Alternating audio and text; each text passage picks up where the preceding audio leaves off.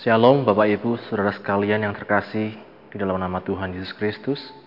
Kita kembali bertemu saat ini dalam ibadah online Gereja Pantekosta Gunung Herman Wonosobo. Kita akan sama-sama belajar dari firman Tuhan. Mari kita berdoa. Bapa, terima kasih Tuhan untuk kesempatan yang kau berikan pada kami. Saat ini kami akan belajar dari firman-Mu Tuhan.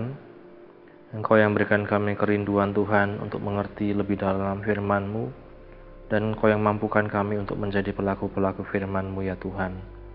Roh Kudus, tolong kami, pimpin kami, pikiran kami, hati kami Tuhan. Bukakan ya Tuhan agar kami dapat mengenal Engkau dengan benar ya Tuhan. Dalam nama Kristus Yesus kami sudah berdoa mengucap syukur haleluya. Amin. Ya. Bapak Ibu Saudara sekalian, kalau di waktu yang lalu saya pernah membawakan tentang jangan lupa diri ya.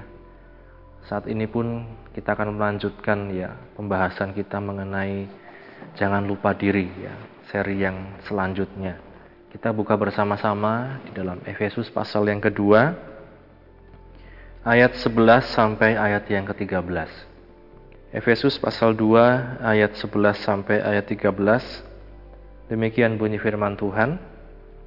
Karena itu ingatlah bahwa dahulu kamu sebagai orang-orang bukan Yahudi menurut daging, yang disebut orang-orang tak bersunat oleh mereka yang menamakan dirinya sunat, yaitu sunat lahiriah yang dikerjakan oleh tangan manusia, bahwa pada waktu itu kamu tanpa Kristus, tidak termasuk kewargaan Israel dan tidak mendapat bagian dalam ketentuan-ketentuan yang dijanjikan, tanpa pengharapan dan tanpa Allah di dalam dunia.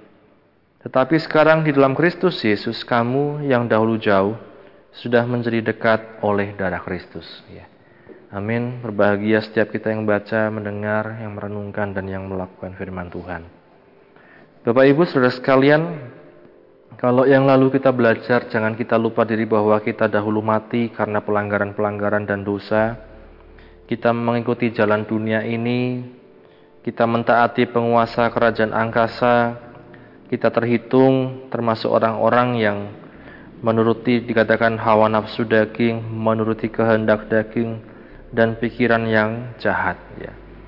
Tetapi oleh karena anugerah Tuhan, kasih karunia Allah, dikatakan kita diselamatkan. Itu bukan hasil usaha kita, itu bukan hasil perbuatan kita, dikatakan jangan ada yang memegahkan diri. Dan saat ini kita belajar Bapak Ibu dikatakan oleh Rasul Paulus kembali kepada jemaat di Efesus dan juga kepada kita sekalian. Karena itu ingatlah. Ya. Dikatakan ingatlah karena kita sering kali bisa lupa di dalam kehidupan kita. Dari mana kita berasal, siapa kita, ya. Bagaimana kita menjadi seperti sekarang ini dan lain-lain, ya. Karena itu ingatlah dikatakan bahwa dahulu kamu sebagai orang-orang bukan Yahudi menurut daging yang disebut orang-orang tak bersunat oleh mereka yang menamakan dirinya sunat ya yaitu sunat lahiriah yang dikerjakan oleh tangan manusia. Di sini Paulus mengatakan kepada jemaat di Efesus ya bahwa waktu itu mereka bukan orang Yahudi. Dahulu mereka bukan orang Yahudi, tidak mendapatkan hak-hak yang seharusnya hanya didapatkan oleh orang Yahudi ya. Kalau kita melihat Bapak Ibu Saudara sekalian, di dalam firman Tuhan, di dalam Alkitab beberapa peristiwa kita melihat sering kali Tuhan Yesus ya, dia mengatakan dia hanya datang pada orang-orang yang hilang dari antara bangsa Israel ya. Dia datang untuk menyelamatkan ya orang Israel ya. Salah satunya kita melihat di dalam Yohanes pasal yang pertama ya Yohanes pasal 1 ayat yang ke-10 sampai ayat yang ke-11. Yohanes pasal 1 ayat 10 sampai ayat yang ke-11. Ia telah ada di dalam dunia dan dunia dijadikan olehnya, tetapi dunia tidak mengenalnya. Ayat 11, ia datang kepada milik kepunyaannya, tetapi orang-orang kepunyaannya itu tidak menerimanya. Ya. Ini yang kita lihat Bapak Ibu, Tuhan Yesus datang untuk menyelamatkan ya. Pertama-tama dikatakan kepada orang-orang Yahudi. Orang-orang yang diistimewakan ya. Satu lagi di dalam Yohanes pasal 4 Bapak Ibu. Yohanes pasal yang keempat ayat yang ke-22 dikatakan oleh firman Tuhan, Kamu menyembah apa yang tidak kamu kenal, kami menyembah apa yang kami kenal, sebab keselamatan datang dari bangsa Yahudi. Ya. Dikatakan oleh Tuhan Yesus dalam hal ini percakapan kepada seorang asing yaitu siapa? Seorang perempuan Samaria. Ya Dikatakan kamu menyembah apa yang tidak kamu kenal, kami menyembah apa yang kami kenal, sebab keselamatan datang dari bangsa Yahudi. Itulah dikatakan mereka atau bangsa Yahudi menyembah Allah Abraham, Allah Isa, Allah Yakub, ya. Yang dikatakan oleh Tuhan Yesus keselamatan datang dari bangsa Yahudi. Dan ketika Tuhan Yesus datang dikatakan dia datang kepada milik kepunyaannya. Tetapi dikatakan milik kepunyaannya itu justru tidak menerima Tuhan Yesus ya dia disalibkan dia disiksa ya dibunuh ya dan kemudian dia bangkit ya dan ini Bapak Ibu sudah sekalian dikatakan oleh firman Tuhan kepada kita sekalian ya orang-orang di luar Yahudi dikatakan jangan lupa ingat bahwa engkau dahulu juga orang-orang bukan Yahudi menurut daging ya dan ini Bapak Ibu kalau kita lihat menjadi orang asing, Bapak Ibu Saudara sekalian, menjadi orang yang bukan golongannya, bukan merupakan sesuatu yang menyenangkan ya. Di Efesus pasal 2 ya, ada sebutan orang asing ya. Efesus 2 ayat 19 dikatakan, Demikianlah kamu bukan lagi orang asing dan pendatang, melainkan kawan sewarga dan orang-orang kudus dan anggota-anggota keluarga Allah. Dikatakan oleh firman Tuhan, kita ini di luar Yahudi dikatakan orang asing. Ya. Kalau di dalam Alkitab kita lihat orang-orang asing, ya, seperti contohnya siapa? Ruth, ya.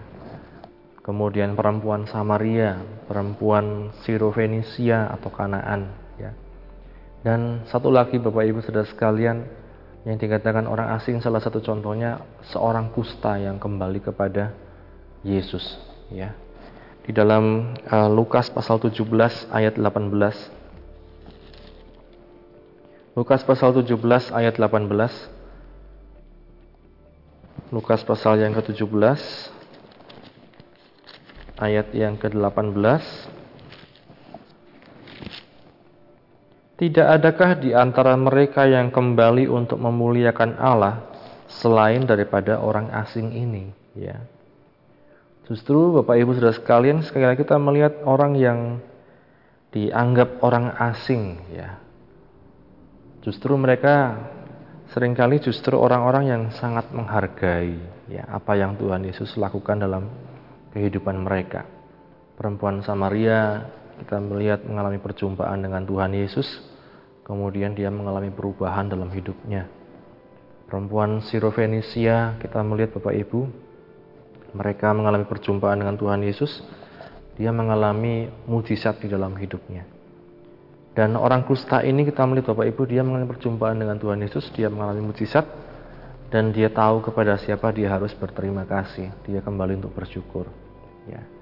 Kita Bapak Ibu sudah sekalian di masa saat ini, di masa sekarang, kalau kita bayangkan tidak perlu jauh-jauh ya, kita untuk keluar kota saja sudah sangat sulit, banyak syaratnya ya. Untuk harus keluar daerah kita saja sudah sangat sulit. Uh, apalagi kalau kita melihat menjadi orang asing ya. Menjadi orang asing. Banyak sekali peraturan-peraturan ketentuan-ketentuan yang di mana itu menyulitkan ya dikatakan oleh Paulus di Efesus tadi tidak mendapat bagian dalam ketentuan-ketentuan ya kemudian tanpa pengharapan dan tanpa Allah. Ya. Tidak mendapat tidak termasuk warga Israel tidak mendapat bagian dalam ketentuan-ketentuan yang dijanjikan berkat-berkat Tuhan, keselamatan dan kemudian tanpa pengharapan dan tanpa Allah di dalam dunia ini. Ya. Ini Bapak Ibu Saudara sekalian yang menjadi orang asing. Tetapi Bapak Ibu Saudara sekalian, kalau kita melihat dalam perjalanannya di bangsa Israel, mereka pun juga pernah mengalami bagaimana menjadi orang asing ya. Di Mesir mereka menjadi orang asing. Kemudian saat dalam pembuangan mereka juga orang asing, ya. Dan ini seharusnya juga menjadi pelajaran bagi mereka, ya, untuk mereka tidak uh, membedakan orang asing, ya. Tapi pada kenyataannya, Bapak Ibu Saudara sekalian, seperti yang dikatakan Rasul Paulus, orang yang tidak termasuk kewargaan Israel, mereka tidak mendapatkan ketentuan, mendapatkan bagian dalam ketentuan-ketentuan yang dijanjikan, tidak punya pengharapan, tidak punya Allah di dalam dunia ini. Bahkan mereka sering kali disalahkan ya, karena mereka membuat uh, bangsa Israel itu menyembah Allah asing, membuat bangsa Israel itu mengikuti dewa-dewa mereka. Mereka sering kali dipersalahkan seperti itu. Nah, ini Bapak Ibu, di dalam Kristus kita melihat tetapi di ayat yang ke-13 tetapi sekarang di dalam Kristus Yesus kamu yang dahulu jauh ya kita yang bukan Israel jauh dari janji Tuhan dari keselamatan yang pada Tuhan sudah menjadi dekat oleh darah Kristus ya sudah menjadi dekat oleh darah Kristus sekali lagi ini bukan dikatakan e, perbuatan kita ini bukan hasil usaha kita Dikatakan tadi oleh Paulus, kita dikatakan digolongkan orang yang tidak bersunat, orang yang bukan kewargaan Israel, yaitu dikatakan sunat lahiriah yang dikerjakan oleh tangan manusia.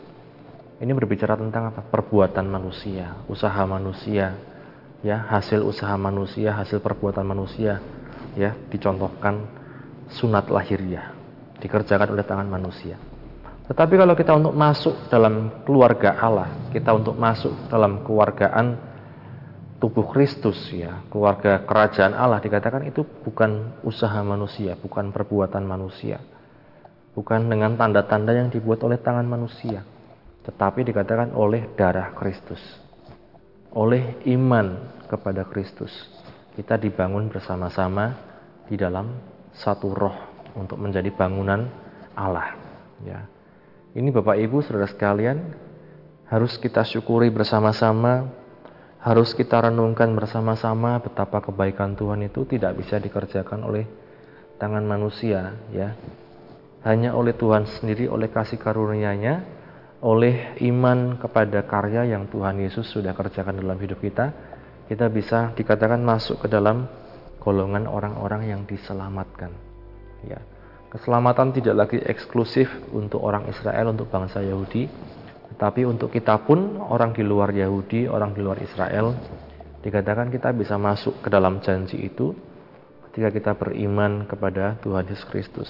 Ketika darah Kristus itu dikatakan menjadikan kita yang jauh sekarang jadi dekat. Ya. Ini Bapak Ibu Saudara sekalian yang boleh saya sampaikan saat ini Jangan kita lupa dari mana kita berasal, siapa kita, siapa kita di luar Tuhan, siapa kita di luar keluargaan Israel secara lahiriah. Hanya oleh kasih karunia Tuhan, hanya oleh Kristus Yesus, ya kita mendapatkan bagian dalam keselamatan yang Tuhan janjikan. Amin. Firman Tuhan. Mari sama-sama kita berdoa. Bapak terima kasih untuk firman-Mu Tuhan yang mengingatkan kami untuk kami terus bersyukur atas anugerah yang Kau berikan pada hidup kami Tuhan. Ketika kami diselamatkan itu bukan karena hasil usaha kami Tuhan, itu bukan karena hasil perbuatan kami, tapi karena Engkau Tuhan yang mau Tuhan untuk berkorban Tuhan, mati, disalib Tuhan untuk kami sekalian dan Engkau bangkit Tuhan untuk kami sekalian. Ajar kami selalu bersyukur Tuhan dan semakin hari kami semakin mengandalkan Engkau dalam kehidupan kami Bapak. Berkati setiap anak-anakmu yang sudah mendengarkan Tuhan firman-Mu. Memberkati setiap hasil usaha kami Tuhan, apa pun yang kami kerjakan. Apa pun yang kami rindukan Tuhan, Engkau yang mengerti ya Bapa. Dan biarlah Tuhan, hidup kami semakin hari semakin memperkenankan hatimu Tuhan. Terima kasih Bapa, kami bersyukur. Dalam nama Tuhan Yesus Kristus kami berdoa, haleluya. Amin. Terima kasih, Tuhan Yesus memberkati.